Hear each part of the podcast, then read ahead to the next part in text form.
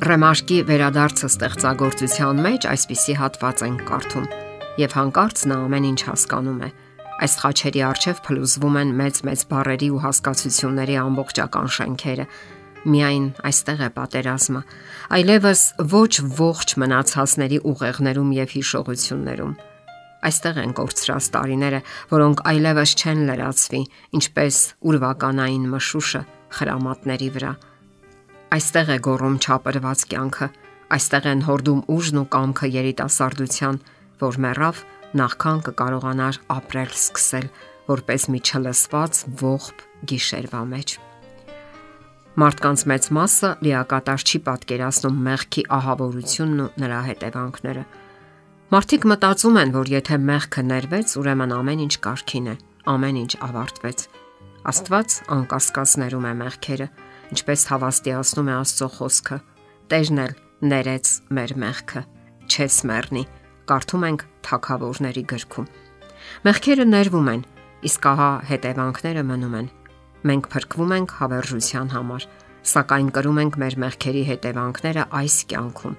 Դավիթ Թագավորի կյանքի պատմությունը դրա լավագույն վկայությունն է։ Նա մեղք գործեց իր զորավարներից մեկի՝ Ուրիայի հանդեպ նպաստելով նրա սպանությանը։ Իսկ ապա հաջորդ մեղքը գործեց հարաբերություն ունենալով Բերսաբեի հետ։ Դրանից հետո նա ինքը սահմանեց իր մեղքի հետևանքները ասելով. «Կենթանի է Տերը, որ այդ բանն անող մարդը մահի worth-ի է»։ Իսկ որպես վերջնական արդյունք Նաթան մարգարեն հաստատեց. «Տերը ներեց քո մեղքը, չես մեռնի»։ Մեղքերը ներվում են սակայն հետևանքները զգացնել են տալիս դեռ երկար ժամանակ։ Նաթան Մարկարեի բերանով Աստված հայտարարեց. Միայն որովհետև Տիրոջ ճշնամիներին այս բանով առիթ տվեցիր հայհոյություն անելու, ապա այն worth-ին էլ, որ պետք է ծնվի քեզ համար, պետք է մեռնի։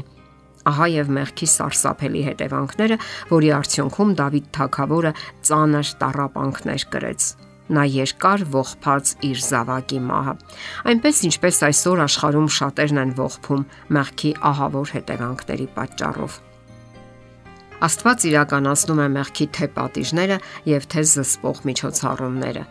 Նա անկասկած դժգոհ է մեր գործած մեղքերի համար, սակայն նրա նպատակը մեզ պատժելը չէ, իսկ ահա կարգապահական միջոցառումները անհրաժեշտ են։ Այլապես մարդը չի զգա մեղքի ահավորությունը իսկ մյուս կողմից անհնար է, որ մեղքի հետևանքները իրենց զգացնել չտան։ Եվ կարևոր է, որ մարդը կարողանա տեսնել դա հոգևոր աչքերով։ Մեղքը սپانում է. Եթե ոչ հենց այդ պահին, ապա որոշ ժամանակ անց։ Իսկ երբ մարդը տեսնում է, որ այդ պահին չպատժվեց, նա թեթևորեն մյուս մեղքն է գործում։ Իսկ ահա մեղքի ահավորությունը գիտակցող անznավորությունը ջանքի անում այլևս մեղք չգործելու, եւ նրա ապաշխարությունը պսակվում է ներողամտությամբ։ Մեր մեղքերը ներվել են Գողգոթայի խաչի վրա, եւ մենք ամեն անգամ կարող ենք դիմել ներում ստանալու համար։ Իսկ մեղքի հետևանքները մնում են, որովհետև Աստված դրանով շատ բան է ցանկանում մեզ ասել։ Առաջինն այն է, որ մենք գիտակցենք մեղքի անսահման մեծ ճարիքը, հասկանանք, որ այն ոչնչացնում է մեր աշխարհը, հոգևոր եւ ֆիզիկական աշխարհը եւ հետ է պահում Աստծուց, որը ամենաահավորն է։ Եվ հետո Աստված ցանկանում է ցույց տալ, որ ինքը շատ լուրջ է ընդունում մեղքը, որ նրա հետ կատակել չի կարելի։ Եվ վերջապես Աստված ցանկանում է ցույց տալ, որ մեղքն էր, որ սپانեց Աստծո որդուն։ Նա մահացավ մեր մեղքերի համար եւ խաչի հետքերը նրա зерքերի վրա կմնան ողջ հավերժության ընթացքում։ Մեղքի հետևանքները մնում են, են որովհետև մեղավորը դրանով շատ բան է սովորում։ Նա մտնում է սրբագործման գործընթացի մեջ, հասկանալով մեղքի ահավորությունը եւ ցանկանալով վերափոխվել։ Հակառակ դեպքում մարդը հակված չէ վերափոխման։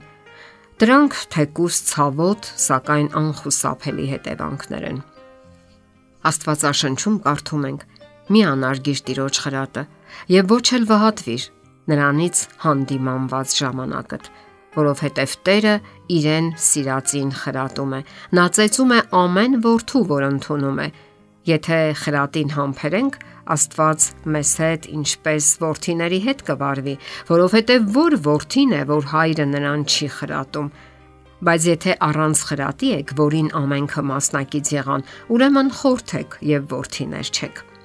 Սա նշանակում է, որ Աստված ցանկանում է ուղղել ու սրբագործել մեզ, այլ ոչ թե պատժել։ Նա դասերակում է, ոչ թե պատժում։ Նա ցավեցնում է, սակայն այդ ցավը դասերակչական ցավ է։ Այդ ցավը ուղղում է, այլ ոչ թե կործանում։ Սրտացավ ծնողը դասերակում է երեխային եւ չի թողնում, որ նա ապրի իր կմահաճույքներով։ Հակառակ դեպքում երեխան կշեղվի։